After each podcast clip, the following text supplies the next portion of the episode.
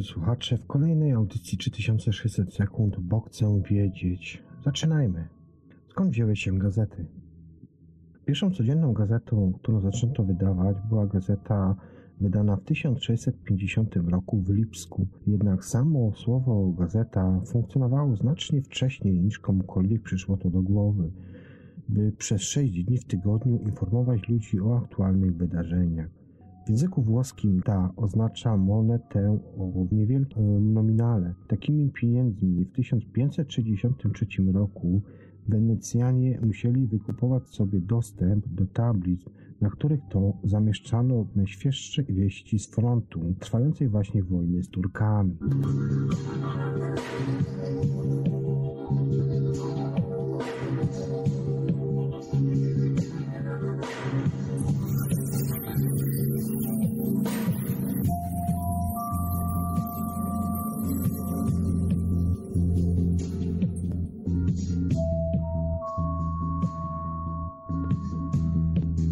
Prawie połowa Amerykanów w wieku 22-45 lat zrezygnowała z oglądania tradycyjnej telewizji. Zamiast tego popularne programy śledzą poprzez mobilne aplikacje i serwisy streamingowe. Również w naszym kraju czas spędzany przed srebrnym globem systematycznie się kurczy. Młodzi Polacy w pierwszym półroczu 2017 roku poświęcali telewizji średnio 129 minut dziennie – o 5 minut krócej niż w analogicznym okresie rok wcześniej.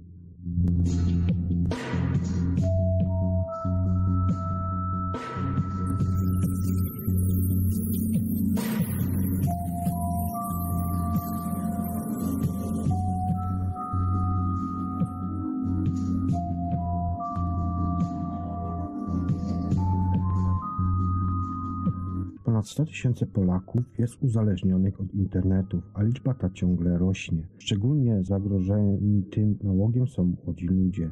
Co 50 nastolatek w naszym kraju spędza w sieci ponad 10 godzin dziennie.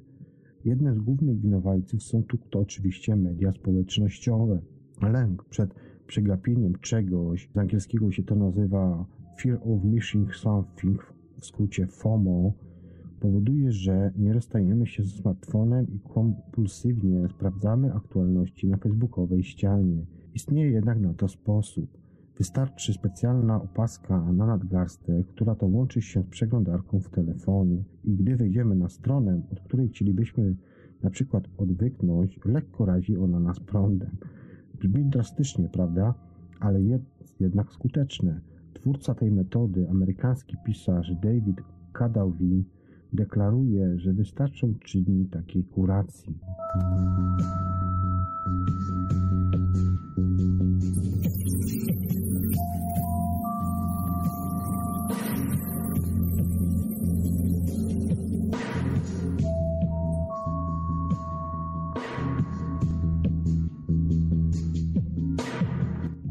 Chyba największa nierozstrzygnięta walka w historii człowieka. Nieustannie miota się pomiędzy przebłyskami geniuszu a idiotycznymi błędami. Dlaczego jednak akurat te najgłupsze zachowania są często kluczem do sukcesu? Posłuchajmy zatem różnicy między głupotą a ewolucją. Głupota ludzka nie zna granic. Internet jest prawdziwą kopalnią ludzkiego braku rozsądku. Od naiwnej lekkomyślności po czyste szaleństwo.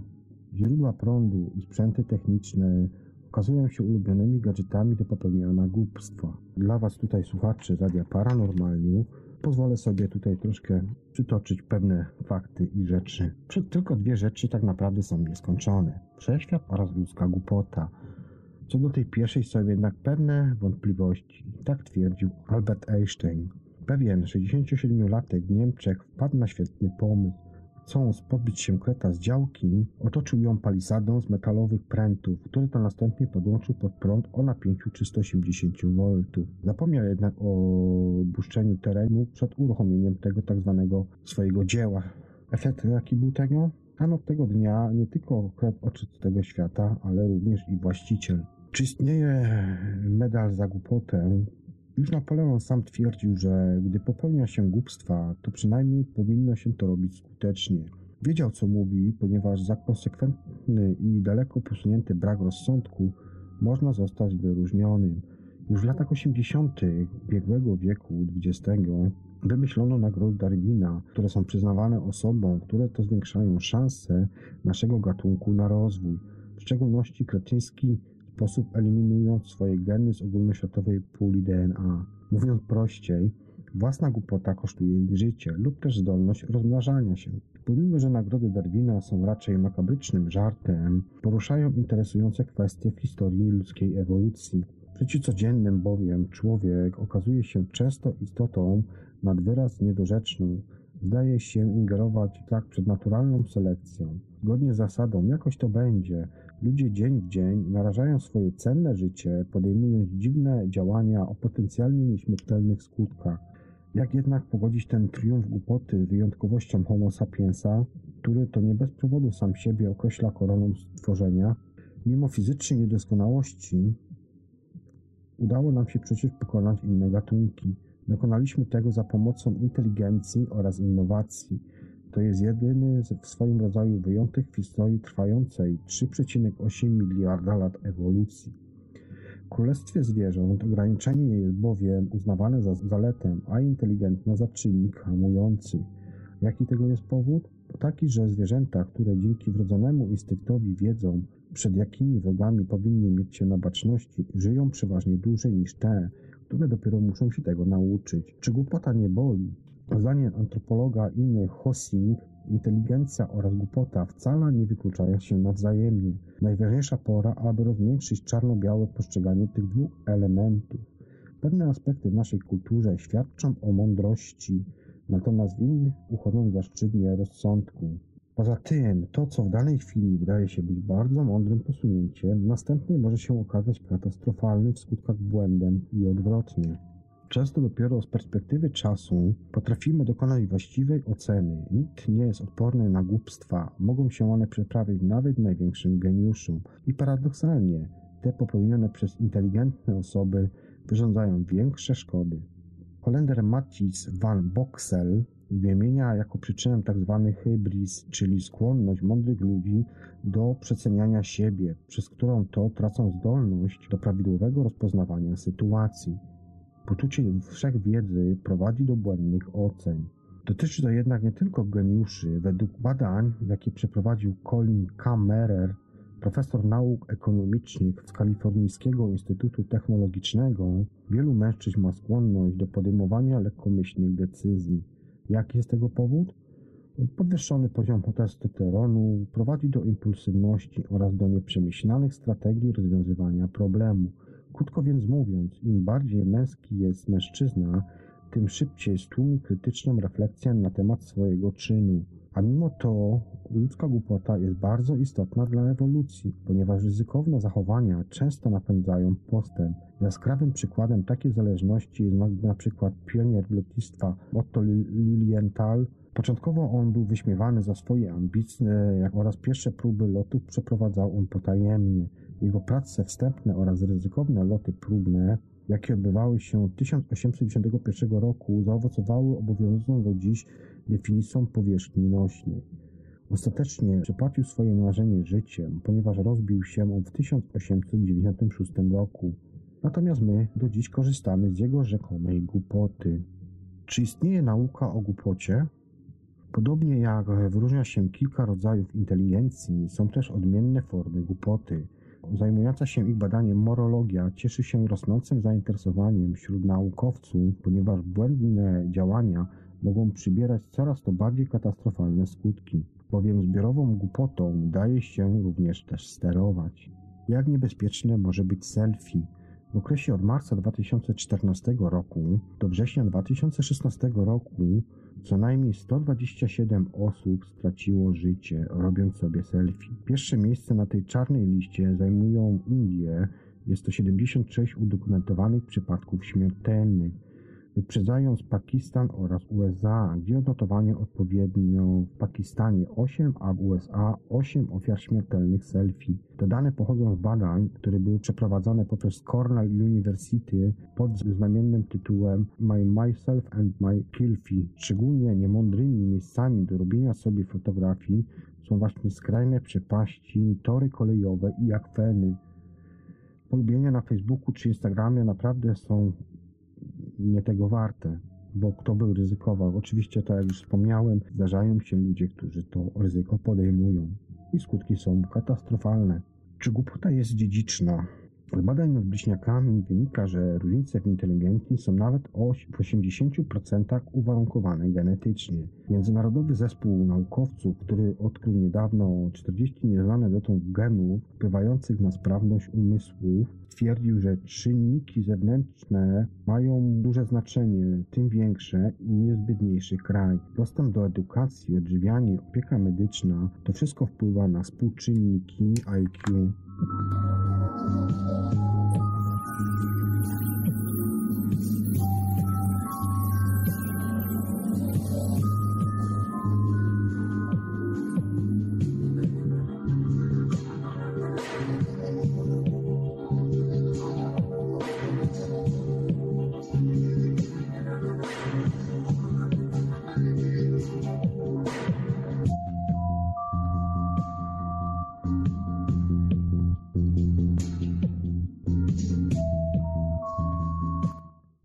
Pancerne szyszki. Mowa tutaj jest oczywiście o łuskowcu, którego to pancerz powstał z włosów, które to w toku ewolucji sklepiły się w duże, zachodzące na siebie rogowe łuski, pokrywające całe jego ciało, oprócz brzucha, oczu oraz uszu. Wygląda on jak nienaturalnie duża jodłowa szyszka, który wędruje po afrykańskiej sekwanie lub też azjatyckich lasach. Przetrwanie zapewniają mu myśliwskie triki, takie jak umiejętność pożarcia całej kolonii owadów. Przyjrzyjmy się za tej, tej istocie, łuskowcowi. Garbiony łuskowiec w konsekwencji wspina się na pagórek tam zaczyna grzebać twardy jak kamień glebie. Jego małe oczka zupełnie nie widzą tego, co go tam ciągnie, jednak nieomylny zmysł węchu już dawno wyczuł gniazdo termitów. Siedzące w nim insekty nie mają pojęcia, co je zaraz spotka. Taktyka ataku drapieżnika nie jest przy tym zbyt wyrafinowana. Faza pierwsza jest to faza, gdzie jedno z najbardziej pomysłowych naturalnych domostw, będących wielokomorowym systemem korytarzy, w którym to przez kilka pokoleń ma wzrastać i rozwijać się cała kolonia mrówek lub też termitów, zostaje zburzone paroma zdecydowanymi ruchami a następnie przekopany silnymi pazurami przednich łap. Jak miałaby się inaczej powiedzieć faza druga, w której to opancerzone zwierzę, zwane też pangolinem, sięga w głąb wierzącym długość około 40 cm językiem w najwcześniejsze korytarze, by napchać sobie żołądek tysiącami tych insektów. Osiem gatunków tych łowców zamieszkuje środkową Afrykę i południową Azję wszędzie tam stanowiąc jednych z najbardziej przedstawicieli fauny. Jako jedyne ssaki posiadają one elastyczny łuskowy pancerz, który w razie niebezpieczeństwa pozwala im się zbić w niedostępną dla wielu drapieżników kulę. Chociaż odżywiają się jako brukojady i wyglądają jak pancerniki, biologicznie bliżej są spokrewnione z mięsożercami takimi jak hieny, niedźwiedzie czy też wilki, mimo że nie posiadają zębów. Ale po co coś gryźć, co można po prostu przekłuć, przebić albo też przytrzasnąć. trzeciej fazie bowiem tysiące gotowych na wszystko mrówek pokrywa pancerz intruza, by zacięcie bronić swojego domu. Padają przy tym w pułapkę, ponieważ pod twarde i ostrorogowe łuski pangolina, które za moment hermetycznie ciasno przylgną do jego ciała, powoduje to, że po prostu zostaną zmiażdżone. Wraz z tym nabytkiem, tym ładunkiem białka piwy musi tylko potem znaleźć najbliższe bajoro, aby unieść łuski, po czym on wessa bezradnie unoszące się na wodzie owady. Niestety ta wyjątkowość często okazuje się dla niego zgubna. Jego spryt na nic nie zdaje się w walce z najbardziej bezlitosnym drapieżnikiem świata, a więc człowiekiem. Na żadnego innego chronionego ssaka nie poluje się tak często, co piąte nielegalne zatem kupowanie zwierząt to właśnie pangolinio. Ładem jest fakt, że w chińskiej medycynie naturalnej y, jego łuski, podobnie jak róg nosorożca, są uznawane za wspaniałe lekarstwo, choć również i na ich skuteczność nie ma żadnych naukowych dowodów.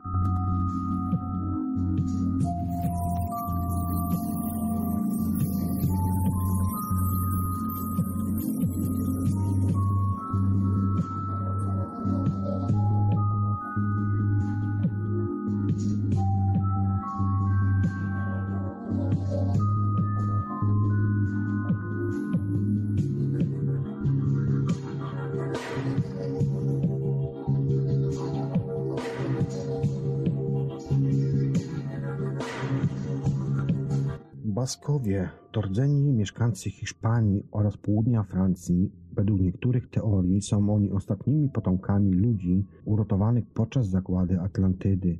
Dowodem podobno jest ich odmienny język, a więc gdzie leży tajemnicza Atlantyda? Czy jest ona na dnie Morza Czarnego? A może znajduje się pod powierzchnią bagien na południu Hiszpanii, czy też może w Trójkącie Bermudzkim, albo na przykład na zatopionej wyspie Spartel, a może jednak obok wyspy Santorini.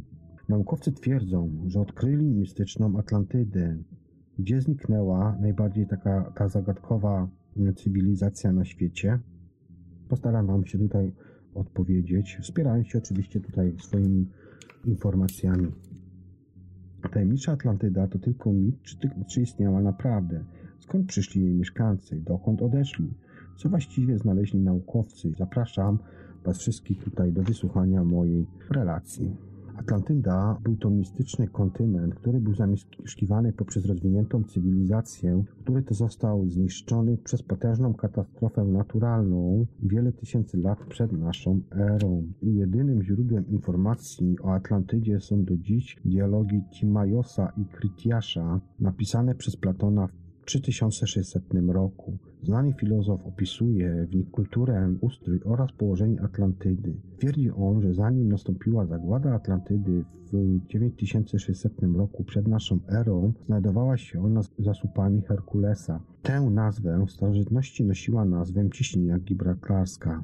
Mistyczne miasto Posejdona. Nazwa Atlantydy wywodzi się od imienia Atlas, a więc syna Posejdona. Według Platona była to bardzo urodzajna i gęsto zaludniona wyspa. Miała ona 10 y, prowincji administracyjnych, ponieważ grecki bóg Posejdon miał 10 synów. Duchowym centrum Atlantydy była świątynia Posejdona, wzniesiona na wzgórzu pośrodku największego miasta, którego obwód wynosił imponująco 600 kilometrów. Miasto składało się z potężnych, wycentrowanych okręgów stworzonych na przemian przez lądy i kanały wodne połączone morze.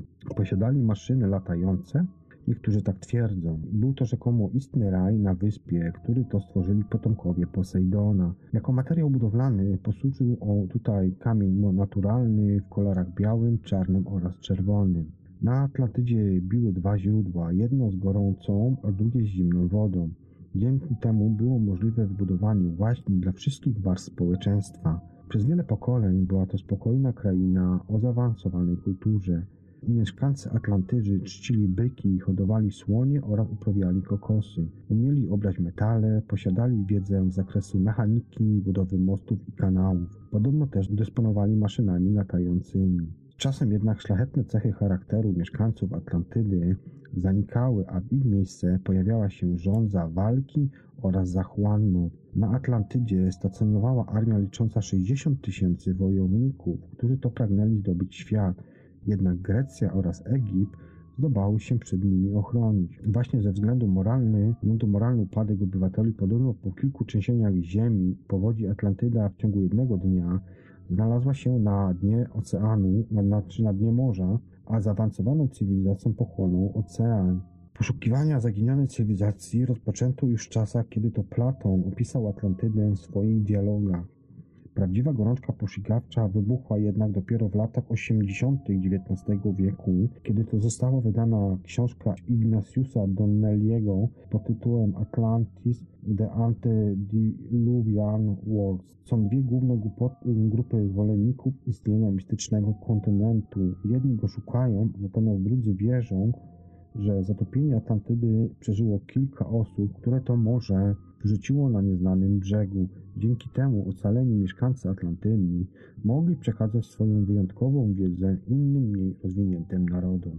Powtórzę Wam jeszcze raz tą książkę, książkę, która została wydana w 80. latach XIX wieku, autora takiego jak Ignatius Donnelly, a tytuł to Atlantis The Antediluvian World. Wąsaci biali bogowie.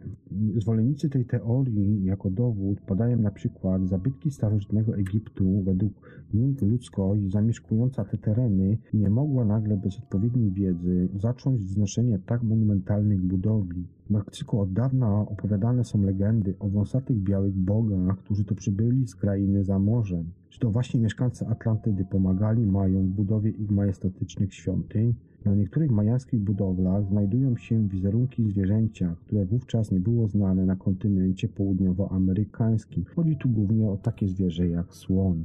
A więc gdzie zatem znajduje się Atlantyda? Naukowcy i amatorzy poszukujący zagadkowego kontynentu nie mają wspólnego zdania w kwestii położenia Atlantydy. To dlatego, że punkty orientacyjne, które podał Platon, można zinterpretować na wiele sposobów. Grecki filozof pisał, że Atlantyda znajduje się przed ciśniną nazywaną słupami Herkulesa, ale za gibraltarską, która tak właśnie nazywała się w czasach starożytnych. Niektórzy ludzie uważają, że ruiny Atlantydy mogłyby znajdować się w pobliżu Azorów lub też Wysp Kanaryjskich, które są wierzchołkami zatopionego kontynentu. Tajemnice dna Morza Czarnego i jedną niewiarygodnie brzmiącą teorią przedstawili niedawno też amerykańscy geologowie Walter Pittman i William Ryan. Sugerują oni, że Atlantyda leży na dnie Morza Czarnego, które w dawnych czasach było zbiornikiem słodkowodnym. Na jego dnie znaleziono pozostałości po osadach ludzkich, uprawach rolnych oraz kamieniny. Pittman oraz Rain sądzą, że naród zamieszkujący te tereny zanikł około 7,5 tysiąca lat przed naszą erą, co odpowiadałoby informacjom podawanym przez Platona. Wodospad zniszczył wszystko. Zgodnie z tą teorią tego wodospadu Została przerwana bariera skalna pomiędzy Morzem Śródziemnym a Morzem Czarnym. W ten sposób powstał wodospad monstrualnych rozmiarów, a woda w nim z wielką siłą spadała z wysokości 140 metrów. Codziennie spłynęło tamtędy 25 km sześciennych wody, czyli 200 razy więcej niż z wodospadu Niagara. W ten sposób powstała ciśnienia Bosfor, a zdaniem naukowców równocześnie zanikły całe cywilizacje, wśród nich właśnie mistyczna Atlantyda. Atlantyda to wyspa Spartel, kolejna teoria. Kues Colina Girard, francuski naukowiec, badał dno morza na zachód od Gibraltaru. Korzystał on z najnowocześniejszych urządzeń technicznych, włącznie z sonarem zdalnie sterowanymi łodziami podwodnymi i zdjęciami radarowymi. Według jego teorii, podczas znacznego ocieplenia na końcu epoki lodowcowej, poziom wód mógł podnieść się o 130 metrów, co mogło zatopić Atlantydę. W głębinach niedaleko, niedaleko wybrzeży Hiszpanii znajduje się bowiem pozostałość potężnego archipelagu, w którym to największa była wyspa Spartel, mająca 14 km długości oraz 5 km szerokości. A może na dnie grzęzawiska? Kolejna teoria. W Hiszpanii około 2008 roku przy pomocy najnowocześniejszych urządzeń technologicznych prowadziło się badania poprzez międzynarodowy zespół naukowców pod kierownictwem Chada Freunda z Uniwersytetu w Hartford. Przedmiotem takich badań były jedne z największych rzężarnisk w Parku Narodowym Dona Ana na południu Hiszpanii, których to prawdopodobnie znajduje się pozostałość starożytnego miasta. Problem polega na tym, że według Platona Atlantyda istniała około 11 tysięcy lat temu, a znaleziska zespołu Frauda liczą jedynie 4 tysiące lat. Atlantyda w Trójkącie Bermudzkim. Kolejne miejsce, w którym to mogłoby znajdować się to mistyczne miasto, to obszar Trójkąta Bermudzkiego, niedaleko Kuby. W 2012 roku naukowcy Paul Weinswey, Paul Zalicki na dnie morza odkryli ruiny ogromnego miasta, w którym to znajduje się kilka sfinksów, piramidy, brukowane ulice i pozostałości domów z napisami wyrytymi na murach. A może to jednak był wybuch wulkanu czy woda? Według kolejnej teorii Platona w swoich dialogach mógł on pisać o cywilizacji minojskiej, która zanikła 1500 lat przed naszą erą. Przyczyną jej zakłady był prawdopodobnie wybuch wulkanu na wyspie Santori na Morzu Egejskim. Kolina Gira twierdzi, że to nie musi być prawda, bowiem jego zdaniem Grecy dobrze wiedzieli, jakie są skutki wybuchu wulkanu, a Plato mógłby je uważać za bardziej spektakularne i dramatyczne niż podniesienie się poziomu morza w wyniku topnienia lodowców. Nie można też wykluczyć tego, że starożytny filozof po prostu wymyślił sobie historię o Atlantydzie dla zilustrowania preferowanych przez niego wartości moralnych.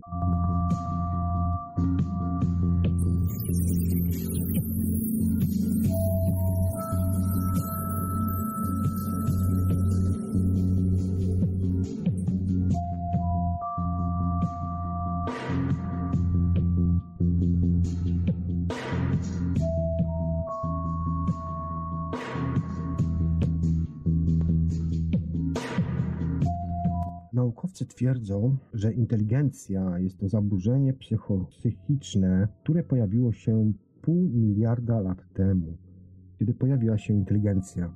Naukowcy z Uniwersytetu w Edynburgu twierdzą, że stało się to około pół miliona lat temu. U kręgowców, które wówczas żyły w oceanie, wystąpiło zaburzenie genetyczne, które to spowodowało powielanie liczby genów komórkach mózgowych i kolejne, bardziej rozwinięte pokolenia zapoczątkowały ewolucję inteligentnych stworzeń.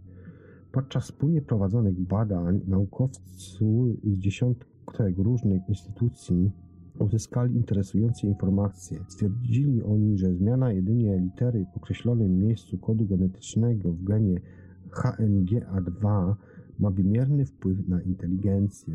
Przełomowym wydarzeniem było prawdopodobnie przejście na dietę mięsną.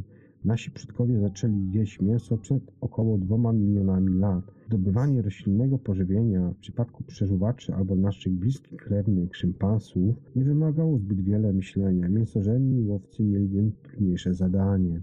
Nie wiadomo też, czy większy mózg generował, wykazywał zapotrzebowanie na energię które to też zaspokoiło spożywanie mięsa, czy też może konsumpcja mięsa prowadziła do, zwiększenia mózgu. Tutaj tak przynajmniej podsumowuje to badania mm, Norman Johnson, amerykański genetyk ewolucyjny z Uniwersytetu w Houston. Do najbardziej spektakularnego powiększania się mózgu dochodziło w okresie największych wahań klimatycznych. Często też zmieniające się warunki mogły wywierać spektakularny nacisk na rozwój inteligencji. Gatunki mogły się po prostu przystosowywać albo wyginąć. Geny odpowiedzialne za rozwój zdolności umysłowych według profesora Seta Granta, szefa zespołu badawczego, to te same geny, które wywołują różne zaburzenia pracy mózgu. Z pewną dozą przejaskrawienia można powiedzieć, że inteligentna to właściwie zaburzenie psychiczne, które jest związane z rozwojem pewnych genów. Tak twierdzi profesor Seth Grant. A, jak, a więc zatem w jaki sposób szkoccy naukowcy doszli do takich wniosków? Człowiek kontra mysz. Naukowcy m.in. badali działanie mózgów myszy oraz ludzi w testach porównawczych polegających na rozpoznawaniu obiektów na ekranie dotykowym. Wyniki połączyli z informacjami o kodach genetycznych, które są związane z rozwojem danej zdolności. Dzięki temu to okazało się, że za wyższe funkcje umysłowe zarówno u ludzi, jak i u myszy są odpowiedzialne te same geny. Badania wykazały również, że jeżeli te geny są utożsamiane lub zmutowane, wywiera, wywierają, wywiera to wpływ na związane z nimi funkcje umysłu. Nasze badania udowodniły, że za wyższą inteligencję płaci się zwiększonym występowaniem zaburzeń psychicznych powiedział profesor Seth Grant. Na podstawie wcześniejszych badań, jak już wiadomo, że ponad 100 rodzajów różnych zaburzeń pracy mózgu u dzieci jest związanych właśnie z mutacjami genów. Co wydarzyło się zatem w historii naszego gatunku, że ludzka inteligencja tak bardzo różni się od inteligencji pozostałych przedstawicieli Królestwa Zwierząt? Tym istotniejszym momentem było prawdopodobnie przejście na pożywienie mięsne przeżuwacze lub też nasi najbliżsi krewni, szympasy, czy też na przykład krowy, nie muszą sobie zbytnio łamać głowy ze zdobywaniem pożywienia roślinnego, natomiast mięsożercy, łowcy mają już trochę to trudniej. Eksperymenty te również mówią o tym, że ten, który je mięso, ma po prostu większy mózg. Do polowania potrzebne są narzędzia, planowanie oraz porozumiewanie się z pozostałymi członkami grupy. To wymagało rozwiniętego zatem mózgu. Nie wiadomo też, czy zwiększenie mózgu wymagało zwiększenia dostawy energii, czy też właśnie to spożywanie mięsa spowodowało powiększenie się mówi. Tak przynajmniej twierdzi Norman Johnson, amerykański genetyk ewolucyjny z Uniwersytetu w Houston, o którym już mówiłem na początku startu tej informacji. Według niego niewątpliwie istnieje związek pomiędzy konsumpcją mięsa a dużym mózgiem. Mięsożerność dodatkowo skróciła okres karmienia piersią, co naszym przodkom umożliwiało posiadanie większej ilości potomstwa. Badania te również wykazały, że życie w grupie zwiększa inteligencję. Bardzo też możliwe, że, ma, że na powiększenie się mózgów naszych dawnych przodków miały również wpływ zmiany klimatyczne. Do najbardziej spektakularnego powiększenia się mózgu dochodziło w okresie największych wahań klimatycznych, Często to zmieniające się warunki mogły wywierać selekcyjny nacisk na rozwój inteligencji. Gatunki mogły się przystosowywać albo wyginąć. Podobny efekt miał prawdopodobnie również, miało też prawdopodobnie życie w grupach i współpraca między jej członkami. To kogo przechytrzy, i tutaj chodzi też również te badania, wnioski tych badań, wskazywały one na to, że żywe stworzenia z większym mózgiem często żyją w większych grupach. Jeżeli zatem żyjemy w grupie, dobrze jest też zapamiętać sobie kto jest naszym wrogiem, a kto przyjacielem. Kto wykorzystuje dobroć innych i zachowuje się egoistycznie. W grupie na pewno pojawią się osoby, które będą starać się przechytrzyć pozostałych, co prowadzi do ewolucyjnego wyścigu uzbrojeń, a przeciętny rozmiar mózgu w populacji stopniowo się powiększa. Co zatem powoduje gen inteligencji? Podczas badań okazało się, że zmiana jednej litery kodu genetycznego w określonym miejscu genu HMGA2 ma wymierny wpływ na inteligencję.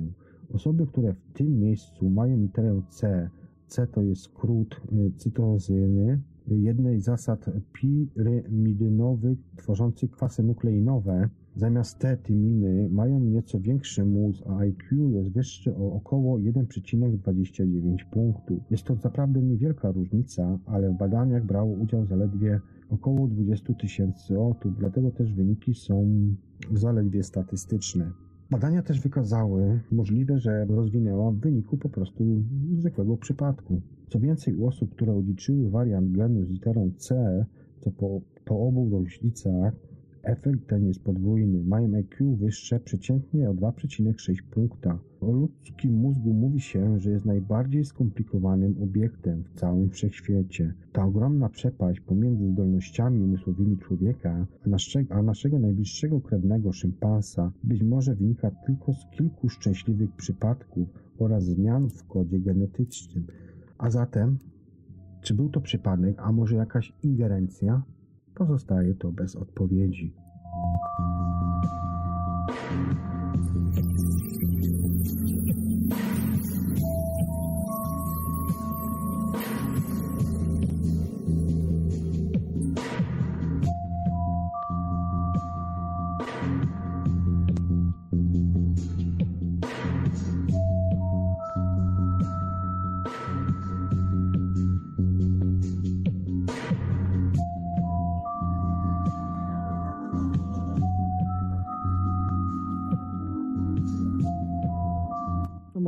Troszkę z innej beczki i powiedzmy sobie coś o olejach.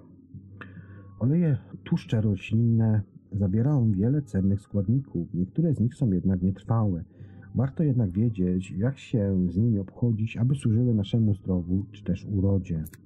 Oleje są źródłem kwasów tłuszczowych, wielonienasyconych, przede wszystkim linolovego, to jest omega-3 oraz omega-6, będę tak mówił, bo są, oczywiście mam pełne nazwy, ale one są po prostu tak trudne, że do wymówienia, że będę Wam mówił skrótowe nazwy czyli omega-3 oraz omega-6, które to musimy koniecznie dostarczać organizmowi pożywieniem. Stanowią one podstawowy budulec błąd komórkowych, poprawiają one naszą kondycję siatkówki oka oraz wielu organów, włączając mózg oraz skórę. Zapobiegają chorobom serca oraz udarom mózgu, regenerują pracę układu nerwowego, dobrze też wpływają na układ pokarmowy, oddechowy, rozrodczy, nerki i wiele, wiele, wiele innych. Ważne jest, aby Kwasy omega-3 czy też omega-6 spożywać w odpowiednich proporcjach, najlepiej 1 do 4. Większość olejów zawiera zbyt dużo kwasów omega-6, dlatego też warto dla równowagi sięgać po te, które mają bardzo dużo przykład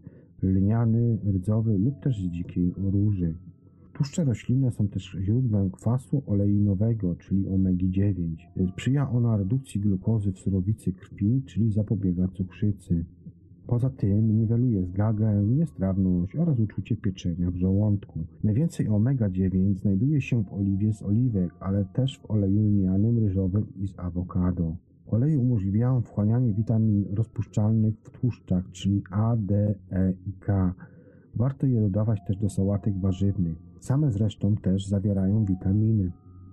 Szczególnie ważna jest witamina E, sunąca z odmazających właściwości, nie ona neutralizuje wolne rodniki. Dużo jej też znajdziemy w oliwie z oliwek oraz w olejach słonecznikowym, rzepakowym, sojowym, arachidowym, winogronowym, z zarodków pszennych, ten jest prawdziwym rekordzistą oczywiście, o ryżowym czy też kukurydzianym. Tłuszcze roślinne dostarczają też witaminy K, która odpowiada za prawidłową krzepliwość krwi. Z tego to powodu warto uwzględnić w diecie szczególnie oliwę z oliwek oraz olej rzepakowy, czy też sojowy, ryżowy, sezamowy. Przywykło się uważać, że głównym źródłem witaminy A są produkty zwierzęce, m.in. masło, ale mają je też oleje m.in. sojowy, rzepakowy, sezamowy, arachidowy, a także oliwa oliwek. Tłuszcze roślinne zawierają fitosterole, które chronią nasze serce, ponieważ blokują wchłanianie cholesterolu. Poza tym działają antynowotworowo, wzmacniają odporność organizmu oraz poprawiają stan skóry itd. Tak itd. Tak Olej ryżowy produkowany z otrębów jako jedyny ma w swoim składzie oryzanol, to jest komplet kilku esterów roślinnych, które to okazały się aż 10 razy bardziej silniejszymi antyoksydantami niż witamina E.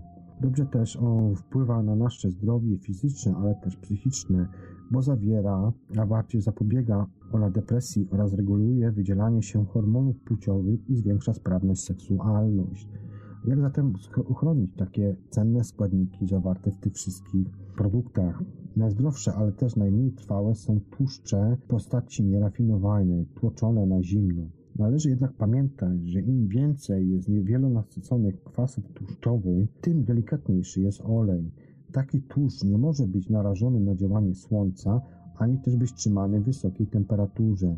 Szczególnie nietrwały jest olej lniany, ponieważ e, powinien stać on w lodówce, także w sklepie i w ciemnej butelce, no nie za długo, a po otwarciu należy go spożywać w ciągu 3-4 tygodni. Trwałość innych wynosi zwykle około 6 miesięcy w chłodnym i zaciemnionym pomieszczeniu, a więc zatem jeżeli zachowamy odpowiednie warunki. Rafinowane mogą stać one w temperaturze pokojowej nawet i przez rok, a nawet i więcej, a po otwarciu też bezpiecznie trzymać jest je w lodówce. Oleje tłoczone na zimno nie nadają się do pieczenia i smażenia, bo pod wpływem wysokiej temperatury wydzielają rakotwórcze związki. Lepiej użyć do tego tłuszczu rafinowanych, mimo że w procesie obróbki zostały one, zostały one pozbawione wielu cennych składników, Rafinacja powoduje to, że podnosi tzw. Tak punkt dymienia, czyli temperaturę, no i to olej podlega szkodliwym przemianom. A więc pamiętajcie o tym, do sałatek dajemy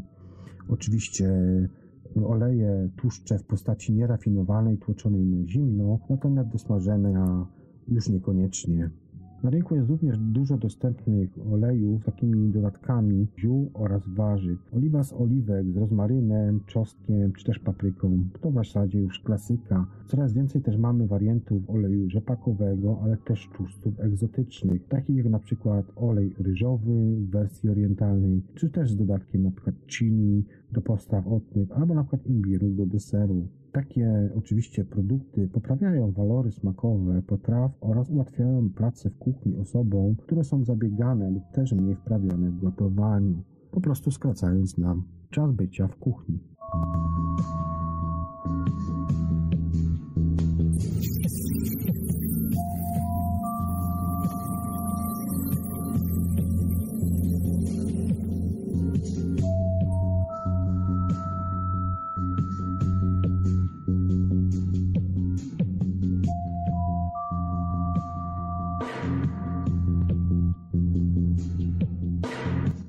Słuchajmy teraz może troszkę o organizmie.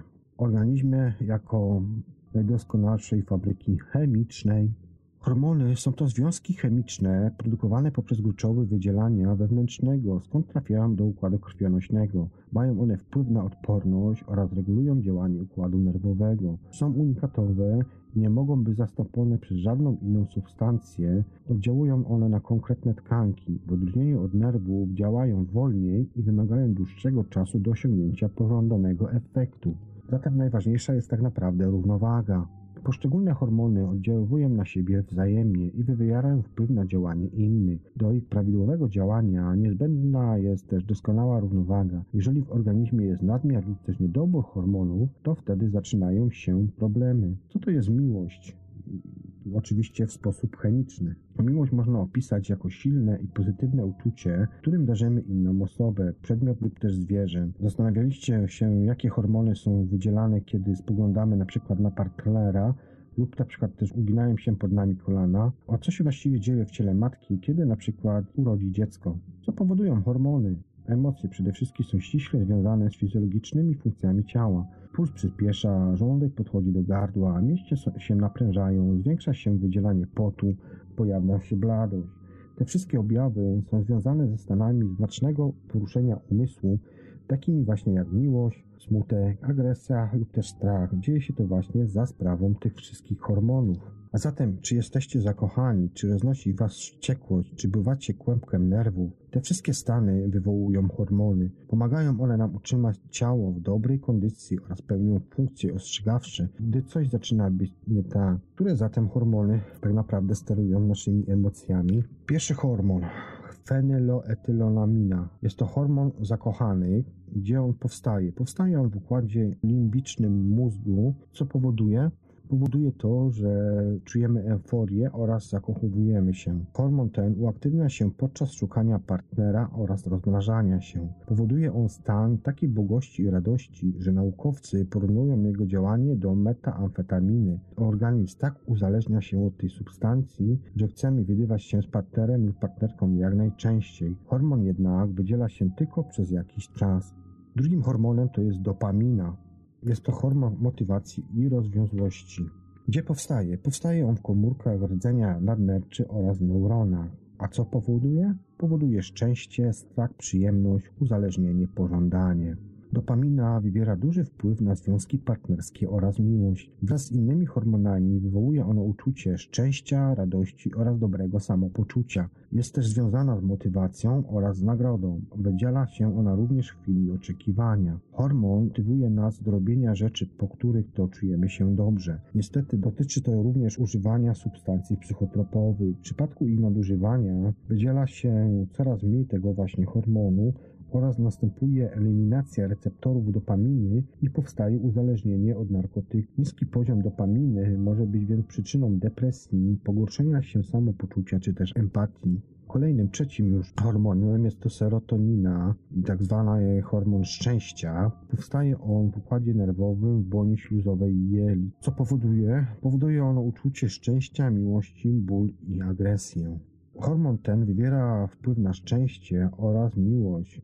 Jest to oczywiście, tak wspomniałem wcześniej, serotonina Jej działanie jest raczej długofalowe. W odróżnieniu od dopaminy nie ma on związku z motywacją oraz pragnieniem, ale jej poziom ma wpływ na serotoninę. Im więcej serotoniny wydziela się w organizmie, tym mniej jest dopaminy. To znaczy, że jeżeli czujemy się długotrwale szczęśliwi i zadowoleni, obniża się nasza motywacja i pragnienie, oraz jest mniej prawdopodobnie, że się zakochamy. Niedobór serotoniny natomiast powoduje zmiany samopoczucia, depresję, ewentualne zaburzenia snu, drażliwość oraz agresję. Czwarty hormon to jest hormon endorfina. Jest nazywany hormonem euforii. Znajduje się w mózgu w czustce, co powoduje szczęście, miłość oraz ból. Endorfiny wywołują naprawdę silne, pozytywne uczucia graniczące z euforią. Łagodzą stany lękowe, depresję oraz ból. Czasami są określane jako najmocniejszy legalny narkotyk. Bezpośrednio to ten hormon wpływa na ich wydzielanie oraz ma aktyw na aktywność fizyczną, znaczy bezpośredni wpływ na ich wydzielanie ma aktywność fizyczna, konsumpcja gorzkiej czekolady, albo też cukru gronowego, który to podnosi poziom cukru we krwi. U osób będących w związkach partnerskich endorfiny wpływają na dojrzałą miłość. Dzięki nim kochamy partnera takim, jakim on jest. Następny to jest oczywiście hormon piąty, oksytocyna. Jest to hormon miłości oraz zaufania. Powstaje ten hormon w podwzgórzu. Co go wywołuje? Wywołuje go miłość, zaufanie oraz wierność. Oksytocyna nazywana jest hormonem miłości, ale odgrywa ona dużą rolę również w kwestii zaufania i wierności. Wyniki badań wykazały, że kobiety, które żyją w szczęśliwym związku partnerskim, mają wyższy poziom oksytocyny niż kobiety bez partnera albo z problemami związkowymi. Hormon ma duże znaczenie w okresie ciąży, porodu i połogu. Kontroluje skurcze mięśni macicy i siłę oraz rytm. Pobudza powstawanie mleka po porodzie. Najwięcej oksytocyny wydziela się w momencie narodzin dziecka. Wówczas to powstaje jedna z najsilniejszych więzi. Kortyzol jest kolejnym już hormonem. Nazywany jest on hormonem stresu. Powstaje on w nadnerczach, a wywołuje go stres oraz lęk. Główną funkcją kortyzolu, główną funkcją kortyzolu jest mobilizacja organizmu pod wpływem stresu zarówno fizycznego, jak i psychicznego. Celem jest zapewnienie wystarczającej ilości glukozy dla odżywiania mózgu w sytuacji stresowej. Zbyt duży poziom kortyzolu wywołuje stany lękowe oraz bezsenność. Zbyt mało hormonu może być jednak przyczyną niedociśnienia tętniczego oraz bezpłodności. Dawanie hormonów jest wzajemnie powiązane, co wyraźnie widać również w przypadku kortyzolu. W wyniku długotrwałego poziomu, wysokiego poziomu tego hormonu trwale obniża się poziom serotoniny w mózgu, co prowadzi do depresji klinicznej, będącej bezpośrednim następstwem przewlekłego stanu. Kolejny hormon jest to hormon testosteron. Nazywany jest on hormonem przemocy oraz pożądania. Powstaje on w nadnerczach oraz w jądrach, a wywołuje go agresja oraz popęd seksualny.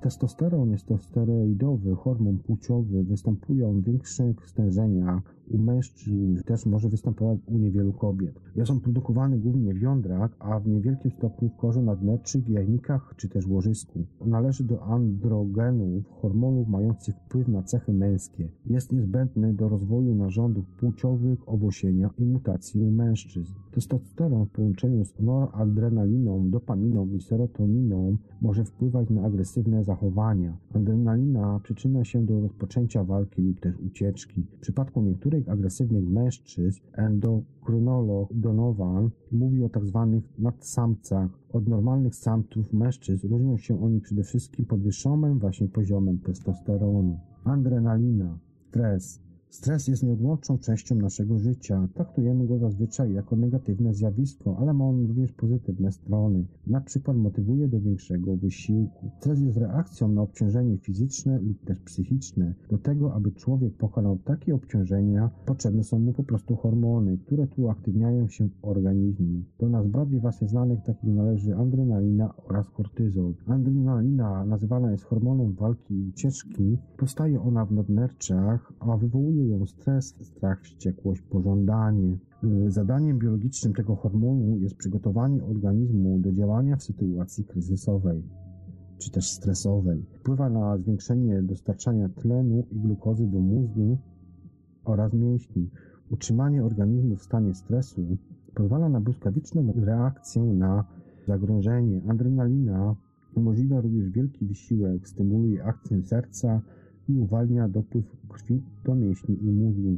Nadmiernemu pobudzeniu zachodzenia zapobiega też kortyzol, który to tłumi działanie adrenaliny tak, aby nie nastąpiło zatrzymanie akcji serca. Z adrenaliną współdziała również dopamina, powodując uczucie samozadowolenia. Na tym zakończymy dzisiaj już audycję o tych wszystkich hormonach. Cóż, pozostaje mi się tylko z Wami pożegnać i do usłyszenia w takim razie następnym razem. Hej, hej, trzymajcie się.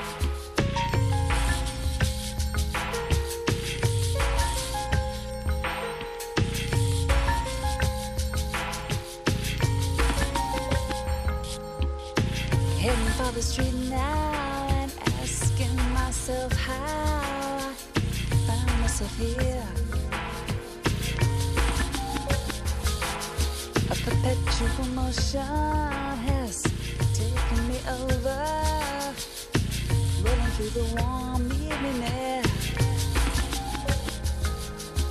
Like living in a desert, I'm thirsty and loveless, standing on cold, burning ground. I need to find water and drink it in the heart of this cruel summer town. Siren is singing, everybody's moving. Got to be on the way. I'm hearing many voices, but never understand the things they say.